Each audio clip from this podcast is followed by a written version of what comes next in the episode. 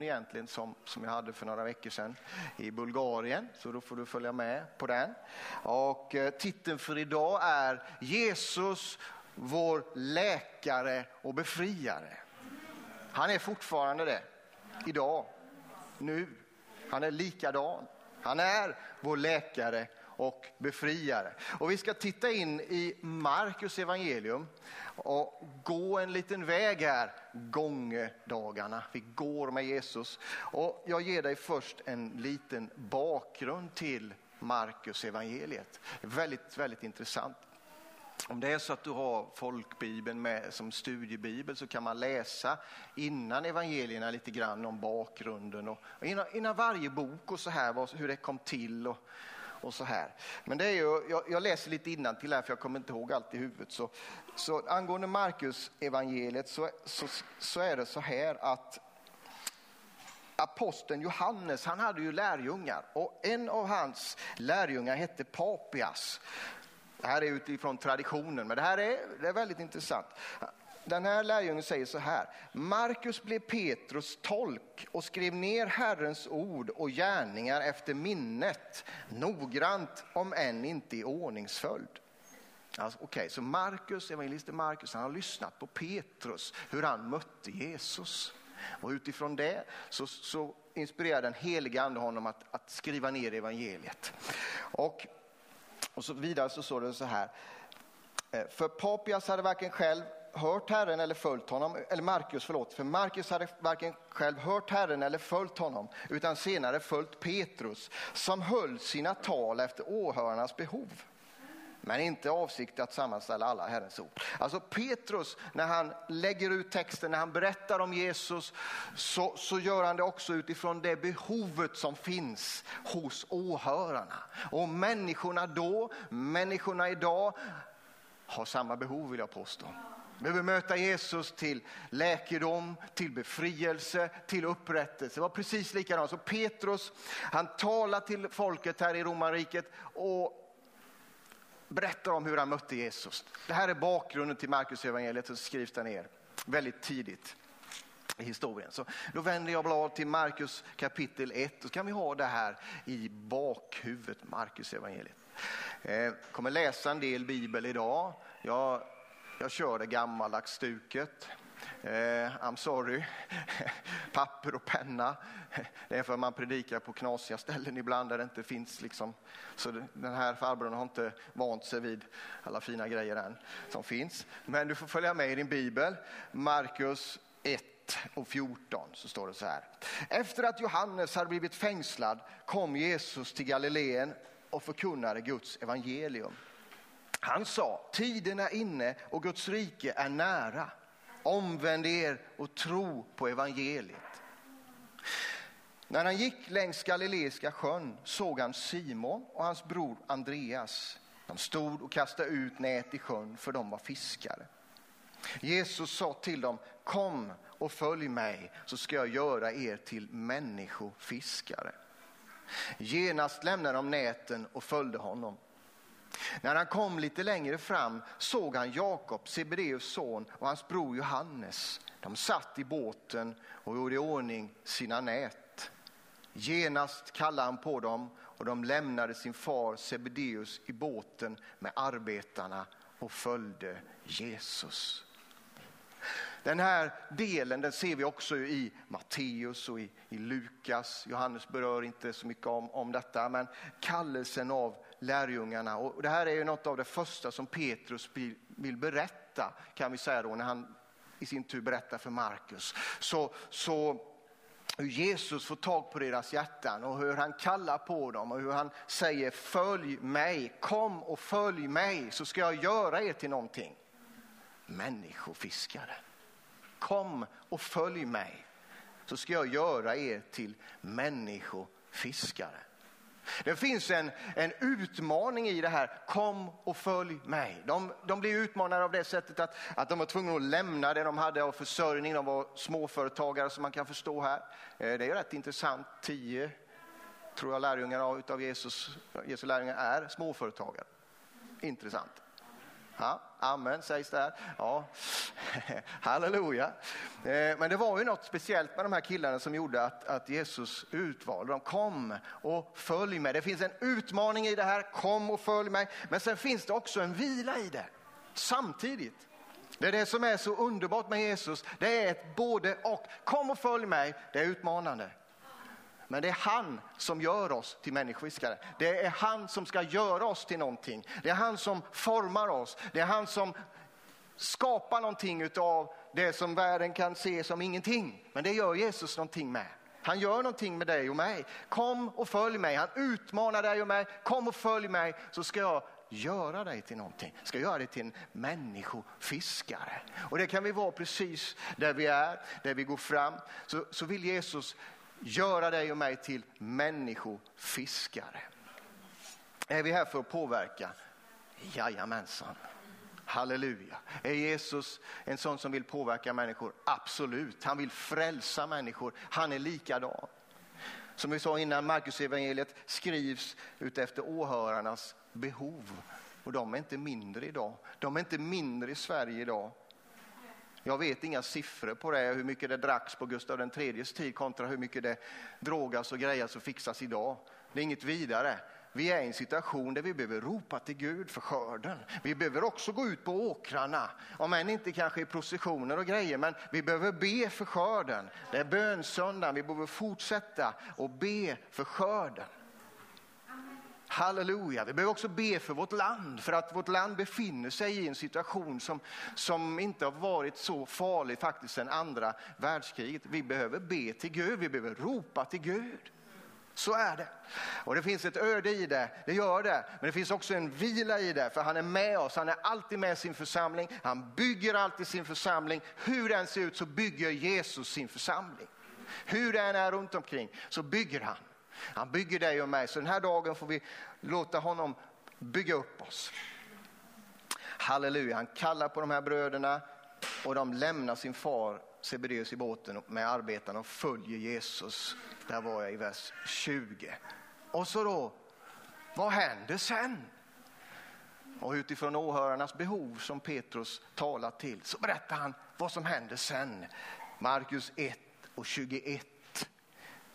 De kom till Kapernaum och på sabbaten gick han genast till synagogan och undervisade. Ja, jag stannar till där, det är ganska intressant. Han kommer till Kapernaum på sabbaten, på lördagen så går han genast till synagogan och undervisar. Alltså han, han söker sig till Guds folk. Han är liksom ingen ensamvarg, precis som du och jag inte kan vara ensamvargar. Vi behöver varandra, vi behöver mötas. Eh, här var det i synagogan, vi behöver mötas i församling. Vi behöver dra dig inte undan utan kom nära, kom nära. Man kom till synagogan där Jesus undervisade. Sen blev folket överväldigade av hans lära för han undervisade dem med auktoritet och inte som de skriftlärda. Ni vet, de skriftlärda är ju de som Jesus eh, ofta kritiserar allra, allra mest. Ni, ni laglärda och fariséer nu försöker lägga eh, lock på allting och ni gör inte, lyfter inte ett finger själva. Det, det var de som Jesus talade allra, allra skarpast till. Men Jesus talade med auktoritet. Och det är precis så. Det finns en auktoritet i evangelium. Det finns en auktoritet där du och jag går fram och det ska vi inte vara rädda för. Det finns, vi behöver ta för oss i anden. Vi behöver ta för Det handlar inte om att man är framfusig som person, men i anden så kliver vi på. I Jesu namn. Det är så här att när man är på missionsfältet blir man mycket, kanske lite mer konkret medveten om sådana här saker. Men, men det är inte annorlunda här. Här behöver vi också kliva fram i auktoritet, precis som Jesus gjorde. Och det är någonting som Petrus skickar med här allra först. Nu fanns i deras synagoga en man med en oren ande och han skrek. Vad har vi med dig att göra, Jesus från Nasaret? Har du kommit för att fördärva oss? Jag vet vem du är, Guds helige. Men Jesus talar strängt till anden. Tig och far ut ur honom. Den orena anden ryckte i mannen och skrek högt och for ut ur honom. Alla blev förskräckta och frågade varandra, vad är detta? En ny lära med sådan makt. Till och med de orena andarna befaller han och de lyder honom. Och ryktet om honom spred sig genast överallt i hela Galileen. Okej, okay? Jesus talar med auktoritet. Det finns någonting som hoppar upp emot det här, en oren ande. Det är inte annorlunda idag. Och det behöver vi också vara beredda på. Men Jesus är Herre och vi har fått hans namn som står över alla andra namn. Så när det kommer sådana yttringar så kan inte vi som Guds församling lämna walkover.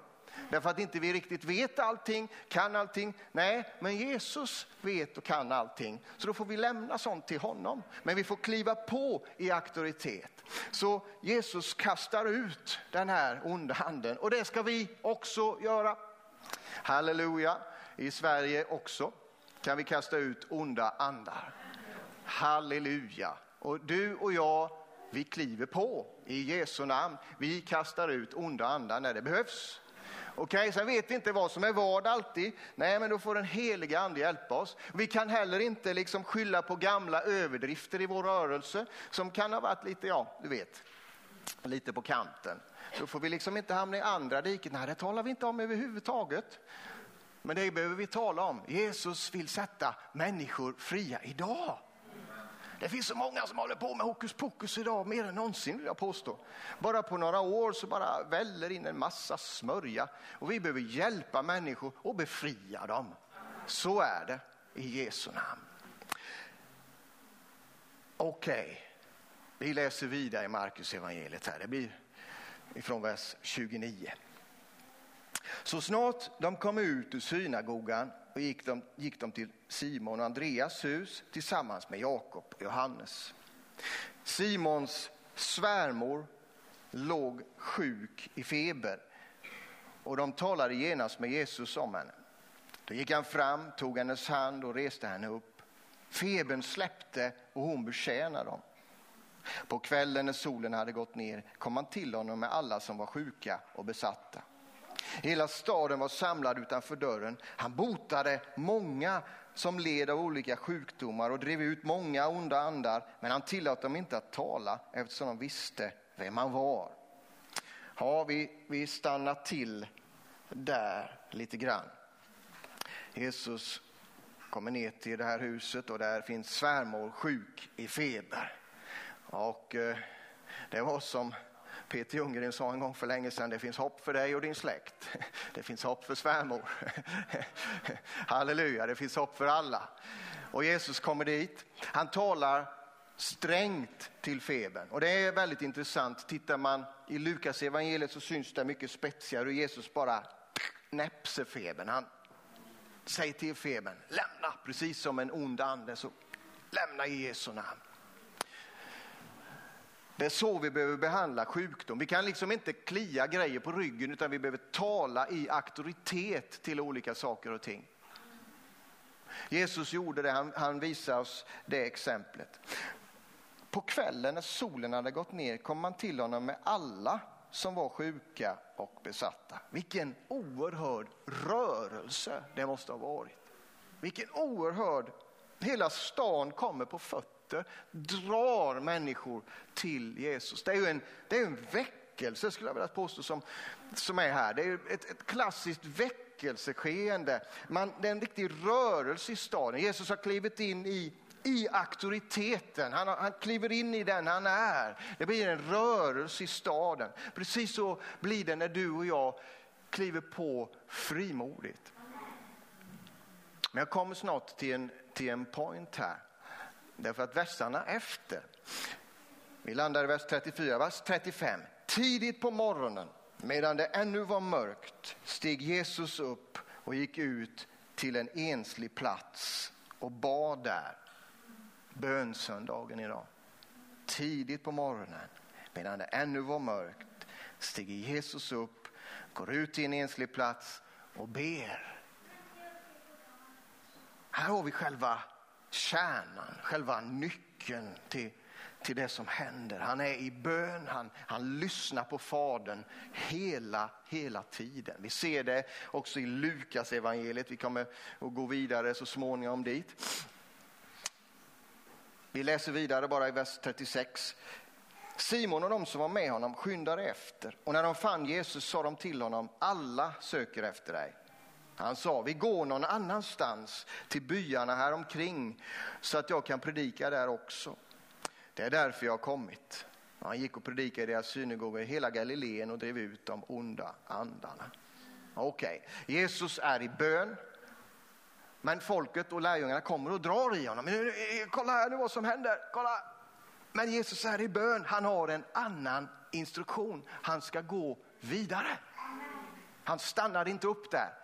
Jag kan erkänna, jag tror jag, jag, tror jag hade gått i fällan där. Wow, här, här ska vi stanna. Wow, vilket, vilket flöde.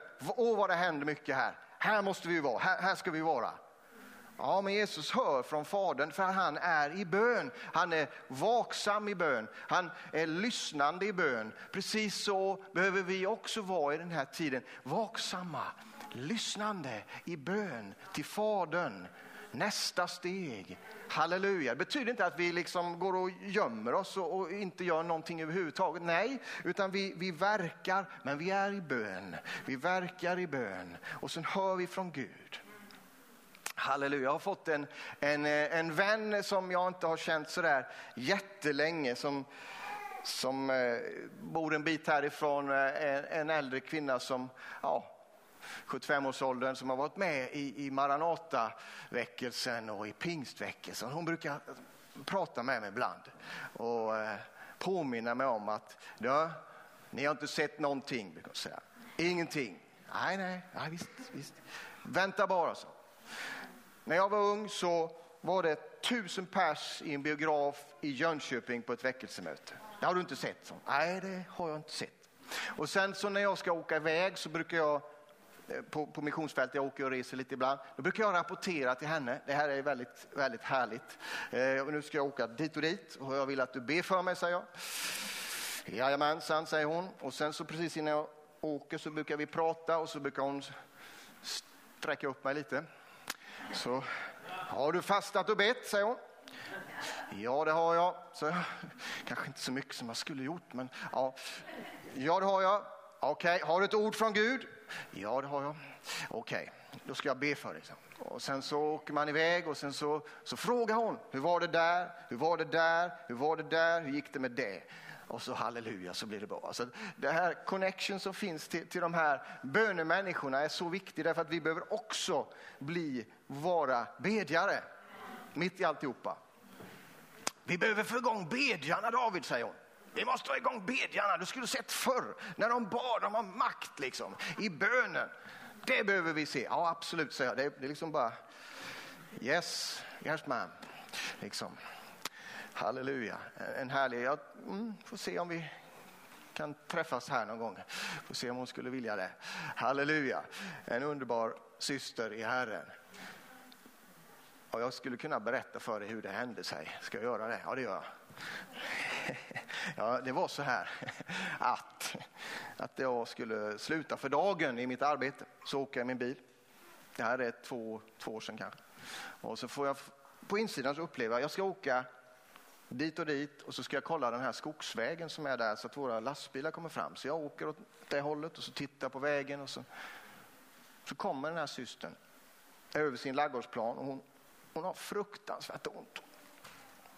Så här. Jag har träffat henne innan lite grann bara så jag vevar ner rutan och så säger jag hej, hur är det? Nej, jag, jag vill att Herren ska ta hem mig nu sa hon. Jag har så fruktansvärt ont. Jag har så grymt ont så jag vill bara gå hem till Gud nu. Nej du, sa jag.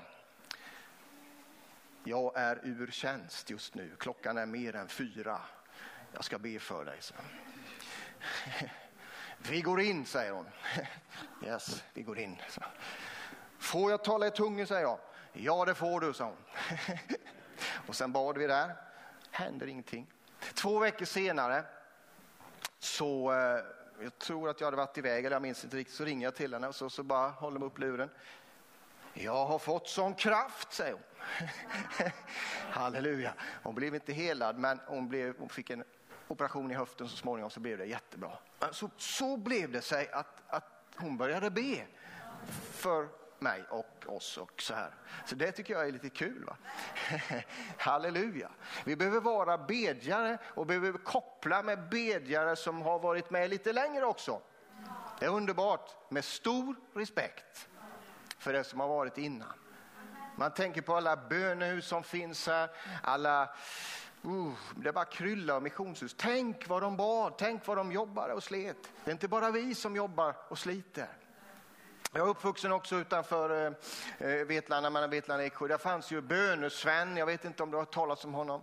Han var med i trosgnistan eh, lite grann. En originell man, men en riktig bedjare.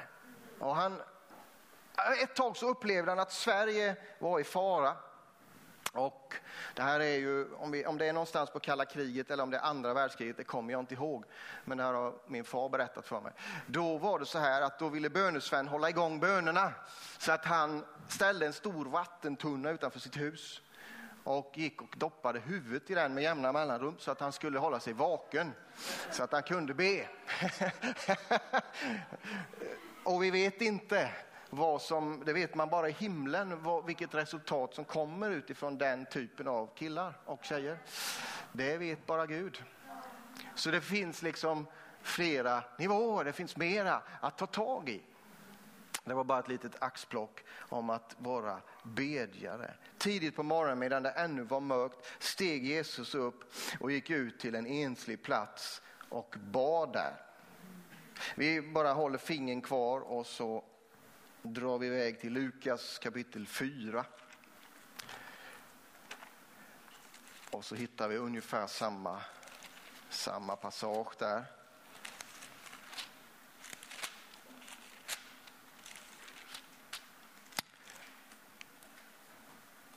Lukas 4.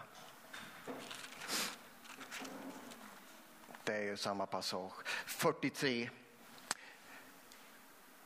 när det blev dag gick han bort till en enslig plats. Folket sökte efter honom och när de kom fram till honom ville de hålla kvar honom så att han inte skulle lämna dem. Men han sa till dem, jag måste förkunna evangeliet om Guds rike för de andra städerna också. Det är därför jag är utsänd. han predikade i synagogorna i Judeen. Här ser vi det igen.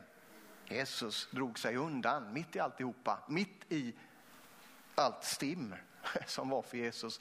Tycker du att det snurrar? Ja, det snurrade för Jesus också. Han drog sig undan och bad och var med Gud. Samma uppslag. Så eh, vi kan läsa ifrån vers eh, kapitel 5 och 15. Men ryktet om Jesus spreds ännu mer och stora skaror samlades för att lyssna till honom och bli botade från sina sjukdomar. Det blev alltså ett rykte, en rörelse runt Jesus, stora skaror. Stora skaror samlades för att lyssna till honom och bli botade från sina sjukdomar. Men han drog sig ofta undan i ödemarken och bad. En av de kardinalsynderna som brukar nämnas när det gäller predikanters uppgång och fall, det är högmod. Vi ser alltså stora skaror. Vi ser genom historien hur, hur det har gått väldigt bra i vissa perioder men det har stigit folk åt huvudet. Eh, det gjorde det inte för Jesus. Han drog sig undan och bad. Vi behöver, för att vara nyktra, för att vara sunda så behöver vi be. Vi behöver be tillsammans, vi behöver be som enskilda för att kunna hjälpas åt att hålla kursen för det är utmanande. Vi är bara människor, vi, vi är svaga, vi gör fel, ibland många fel. Men vi behöver dra oss undan och be för att med Guds nåd och med Guds hjälp hålla kursen framåt. Vi läser vidare i Lukas 5. En dag när Jesus undervisade satt där fariseer och laglärare som hade kommit från alla byar i Galileen och Judeen och från Jerusalem. Och han hade Herrens kraft att bota. Och han hade Herrens kraft att bota.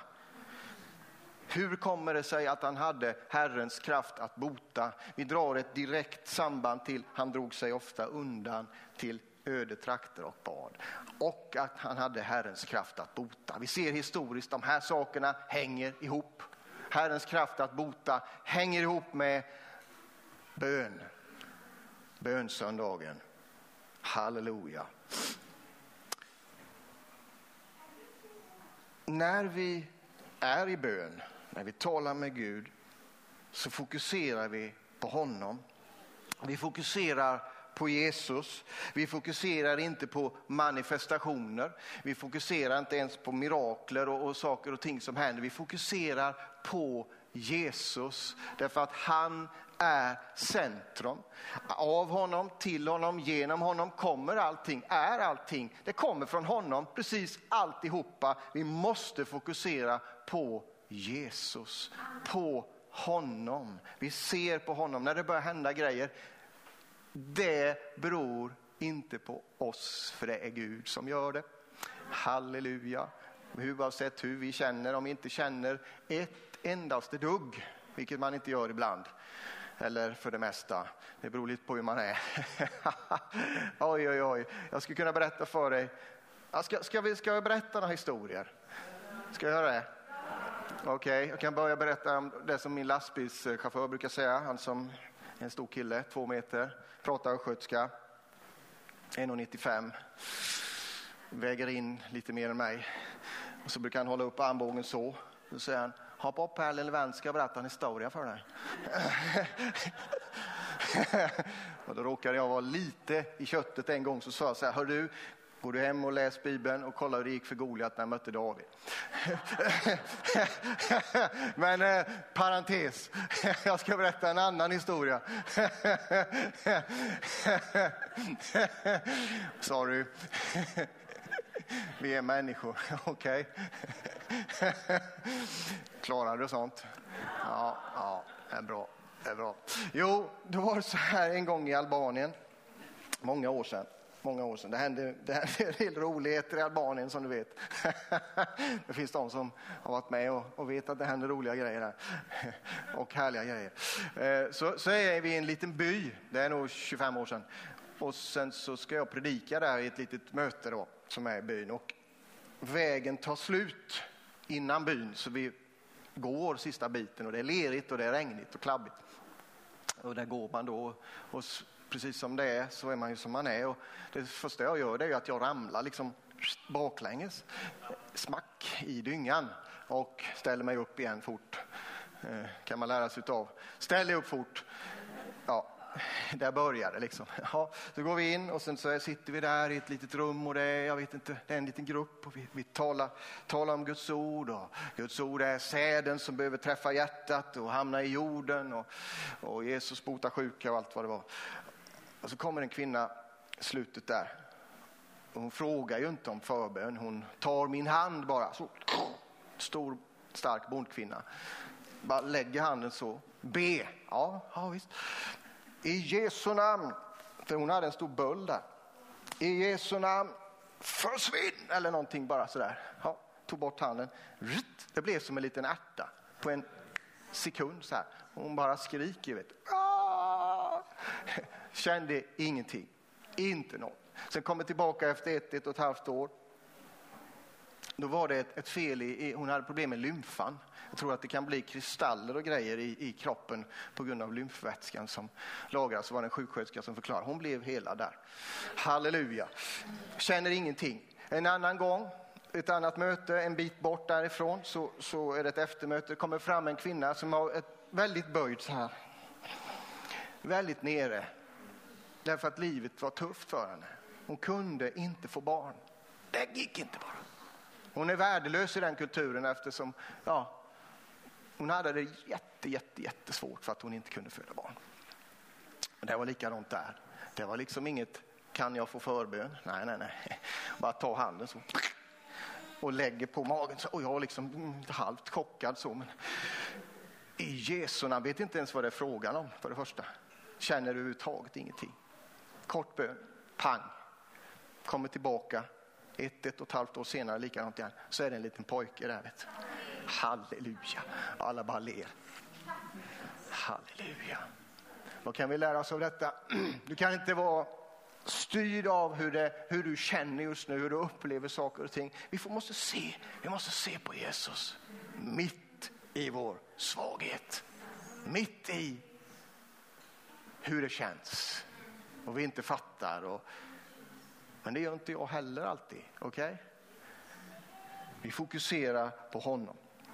Vi går tillbaka igen till Markus evangeliet. Halleluja. Jag har snart bränt av en, en bibelskolelektion här om Jesus som vår läkare och befriare.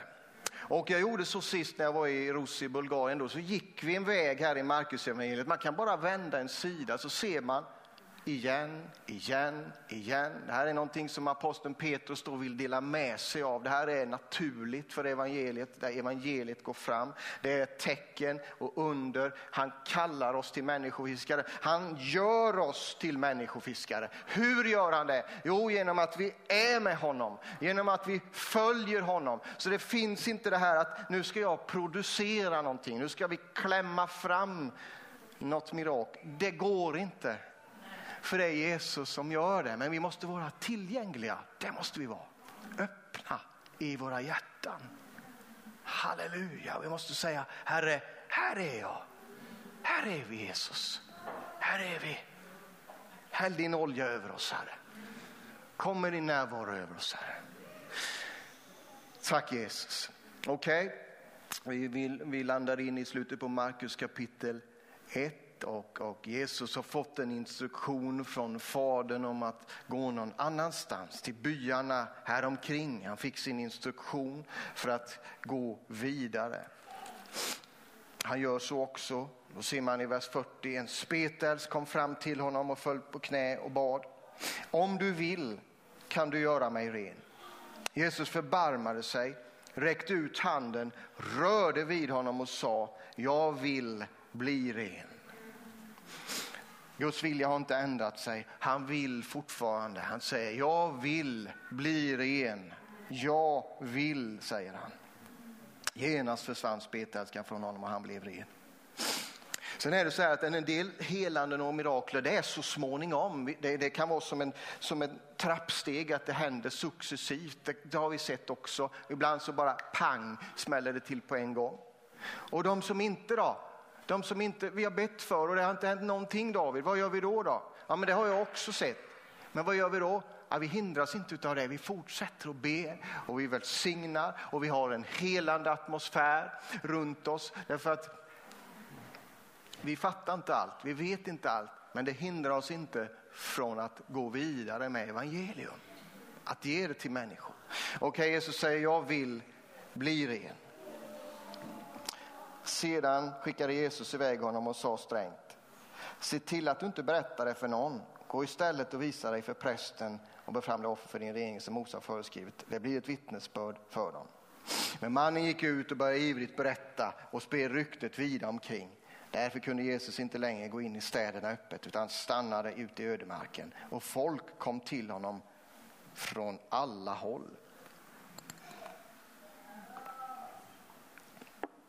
Jag tror vi ser det här igen. Jesus han, han, han bad, han var i ödemarken. Folk kom till honom. Det hänger ihop. Karl-Erik Salberg som startade arbetet, eller vidareutvecklar arbetet i Klara kyrka i Stockholm. Han berättar om när man ökade bönetrycket, bönerörelsen. Då såg man hur det lossnade för flera som satt fast i droger.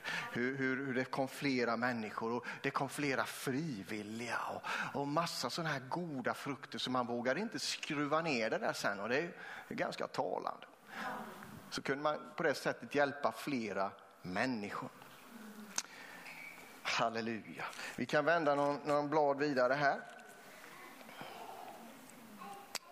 Markus 3 och 7. Jesus och hans lärjungar drog sig undan ner mot sjön och en stor skara från Galileen följde efter.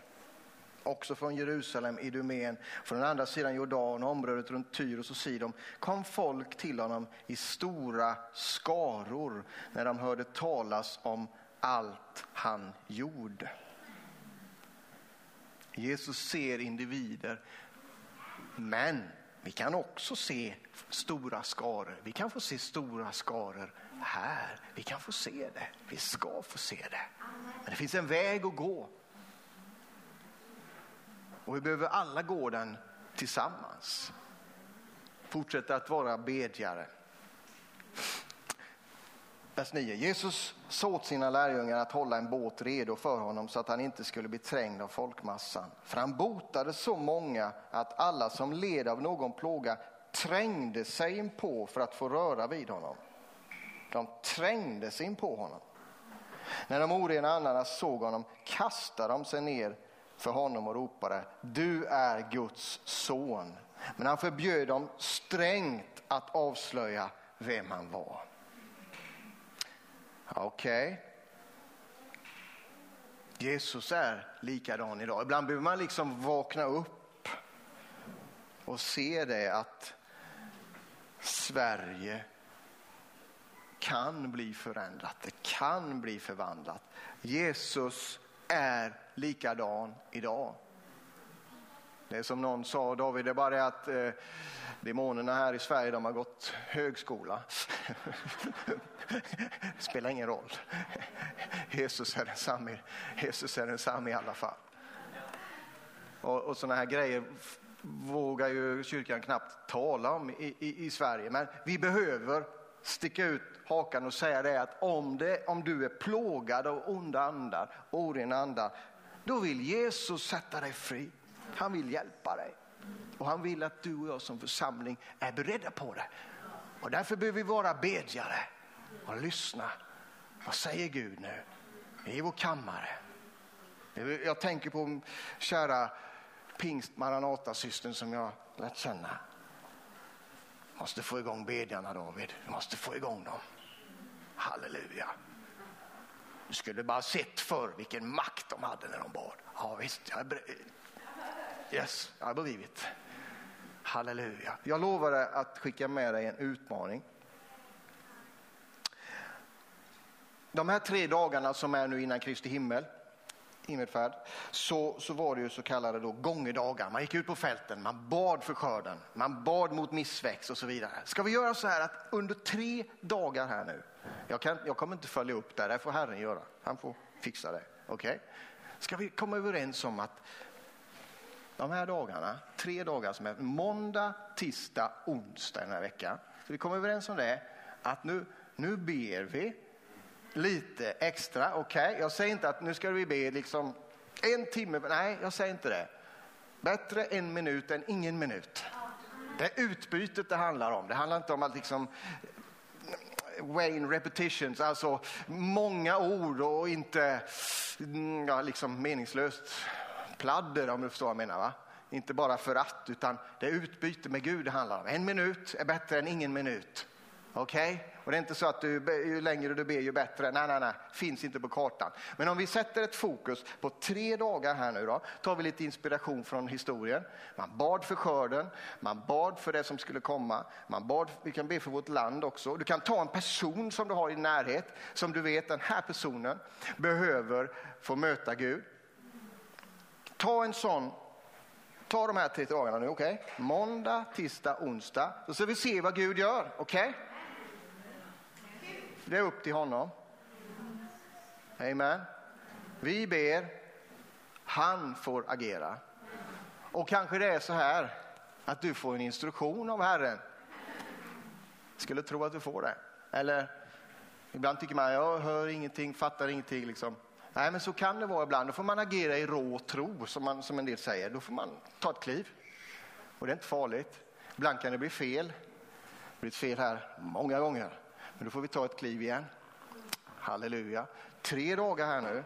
Låt oss be. Måndag, tisdag, onsdag. Be för skörden.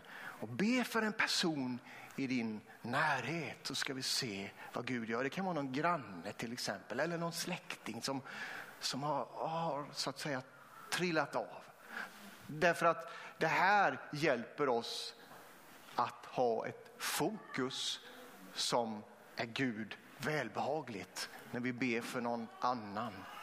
När vi sträcker oss ut för, för landet. För det behövs väktare på muren i det här landet. Mer än någonsin. Oh, halleluja. Tack Jesus. Tack Fader. Tack Fader. Halleluja. Jesus är densamme. Han är vår läkare och befriare. Jag har inte gjort så mycket annat idag än att läst Bibeln för oss. Och vi ser det precis fullt av det. Vi behöver inte göra det svårare än så. Titta in i Markusevangeliet, titta vad som händer när de följer Jesus. Det här är utifrån de behov som Petrus såg att åhörarna hade. Och det är inte annorlunda nu. Åhörarna runt dig, de har de här behoven. Halleluja. Det finns massor med ensamma människor, det finns massor med människor där ute som du och jag berör. Fokusera på honom. På att följa honom. Jag tror vi landar in där för jag upplever att vi ska, vi ska be tillsammans. Halleluja, vi kan ställa oss upp, ställa oss upp tillsammans och få be lovsångarna komma. Halleluja, Jesus säger kom följ mig så ska jag göra dig till människofiskare. Och när vi gör det, när vi går med och berättar vår story om Jesus så händer det saker och ting. När vi agerar på vad han har lagt på våra hjärtan. Halleluja, tack Jesus. Vi kommer strax att bjuda in till, till förbön här och, och, eh, och då hjälps vi åt och ber. Så tillsammans ber vi. Halleluja, så får jag också be. Du, du som vill vara med och be för människor också, du är jättevälkommen och det är inte bara jag som ska be, okej? Okay? Halleluja, men jag har, jag har upplevt en sak först här innan vi går vidare. Tack Jesus. Tack Jesus. Tack Jesus. Helige Ande. Helige Ande, helige Ande, helige Ande. Halleluja. Halleluja. Tack Jesus. När jag bad här inför mötet så, så bara upplevde jag, ja Jesus, Kuramasakandaya. Tack Jesus. Du finns här som, som, eh, som på ishockeyspråk, vet du hockey-VM nu? Jag tittar på det lite, inte för jag fattar så mycket jag kan, men jag tycker det är kul. Då säger kommentatorerna så här ibland nu håller de för hårt i klubban. Eller så säger de nu, nu spelar de med för högt uppdragna axlar. Det betyder att man är lite för spänd. Man är, man är lite för liksom, orolig på fel sätt, att det ska bli fel. Till exempel. Och, och, då säger de så här, nu behöver axlarna sjunka lite. Nu behöver de inte hålla så hårt i klubban längre. Och du finns här och du håller för hårt i klubban. Det är en hälsning från Herren just nu. Du behöver slappna av i Herren, i honom. Det är, inte, det är inte alla, det är inte så, utan jag bara upplever det, Herren, Herren bara visar det. Du behöver liksom inte hålla så hårt i klubban, för han, han, är med dig. Det är inte det att du ska slänga klubban eller liksom sätta dig på, på bänken. Det är, inte, det är andra diket liksom. Du är inte en sån person, utan du behöver bara slappna av och sen så kommer det bli kanon för dig, ska du se. Och så kan axlarna få sjunka ner lite så får du slappna av i Herren. Okej? Okay? Det var ett ord ifrån Gud till, till någon eller några här. Halleluja. Tack Jesus. Kura la bakara bashiri ala bahaya. Jag tackar dig Jesus att, att, eh, att axlar får, får slappna av lite just nu. I Jesu namn. Jag bara förlöser det just nu Herre. Halleluja. Att få slappna av i Herren och vila i honom och veta att han är densamme. Att han tar hand om saker och ting. Att Herren tar hand om det hela. Halleluja. Tack Jesus. Tack Jesus. Amen. Amen. Så vi fortsätter prisa Herren här lite grann och så får du komma om du har ett behov av något slag så bara lämna din plats. Du kan också där du står bara räcka din hand, det är okej okay. och då finns det människor runt dig som kan be. Det är många, många som kan be här. Och vill du komma fram och ha förbön så bara kom och var frimodig. För Jesus vill möta dig till läkedom, till helande. Och om det är något som betrycker dig så vill han lösa dig. Bara kom just nu. Halleluja, så prisar vi Herren just nu. Tack Jesus. Tack helige Ande. Kuralabasakataya. Lovsjung Herren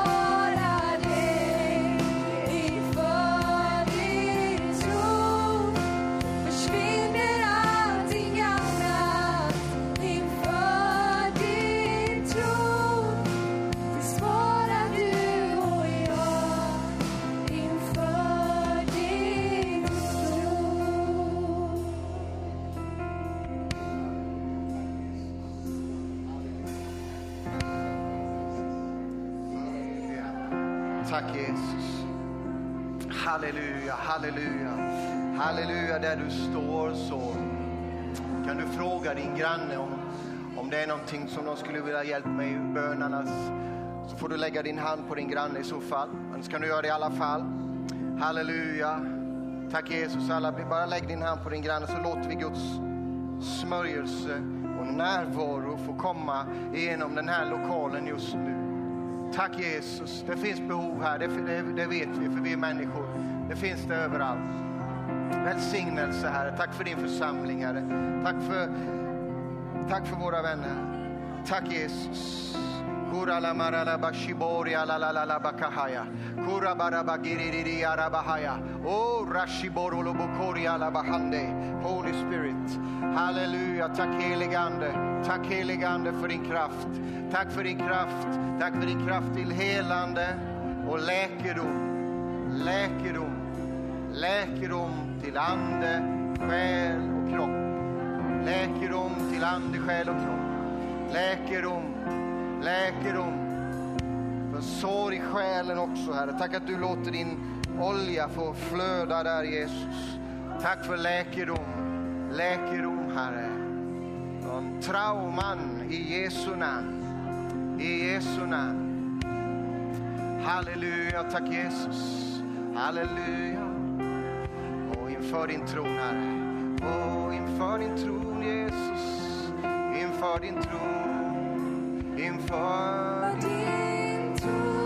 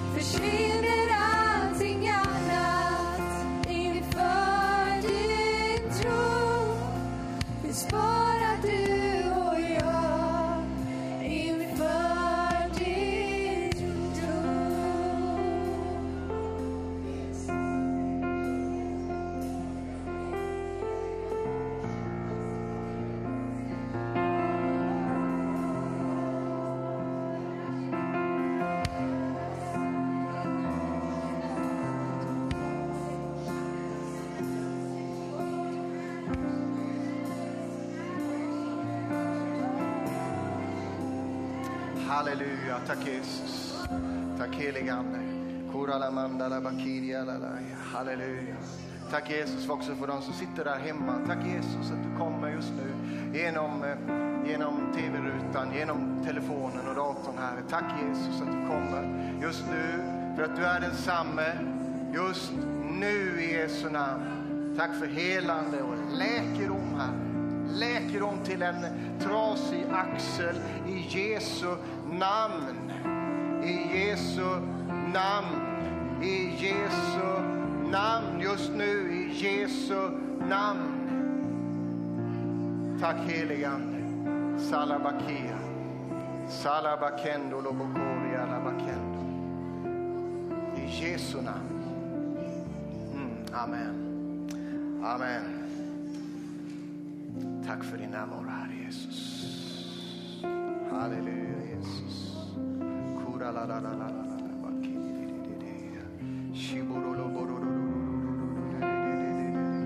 Tack Jesus. Tack att du är densamme Jesus. Du är densamme. Tack för din närvaro att vi får vara, vara med dig. Och vi får slappna av i din närvaro här. För det är det bästa som finns Jesus. Få vara hos dig. Tack helige Ande.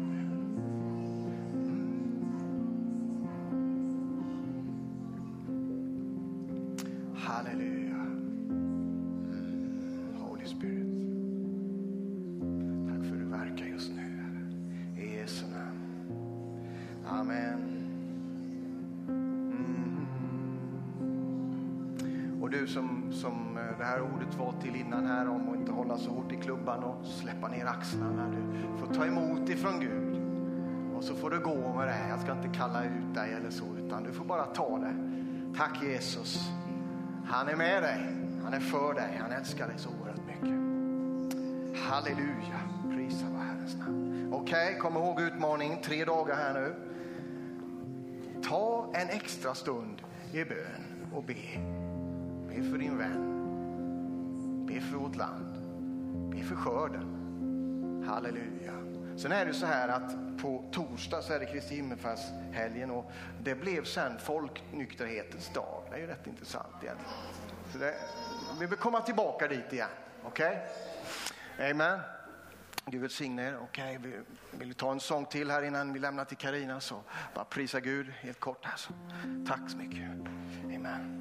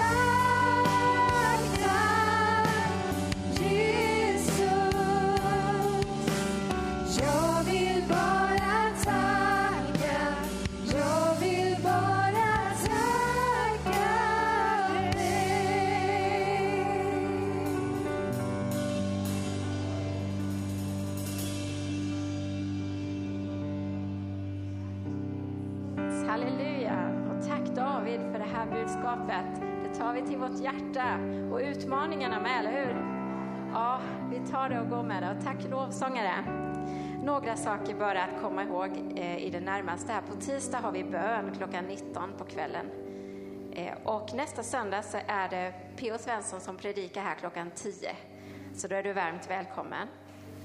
Eh, sen är det att du kan titta också på kalendern som finns, för det är mycket på gång. Jag kan säga att framåt i maj här, tisdagen den 23, då kommer det vara gemensam bön eh, med kyrkorna i stan klockan 19 i Höglandskyrkan. Sen är det också ett lopp, lopp som ger hopp, där pengar samlas in till eh, att hjälpa barn på flykt från Ukraina. Det är internationella barnhjälpen som genomför det här loppet. Kom och var med. Eh, det är den 24 maj. 18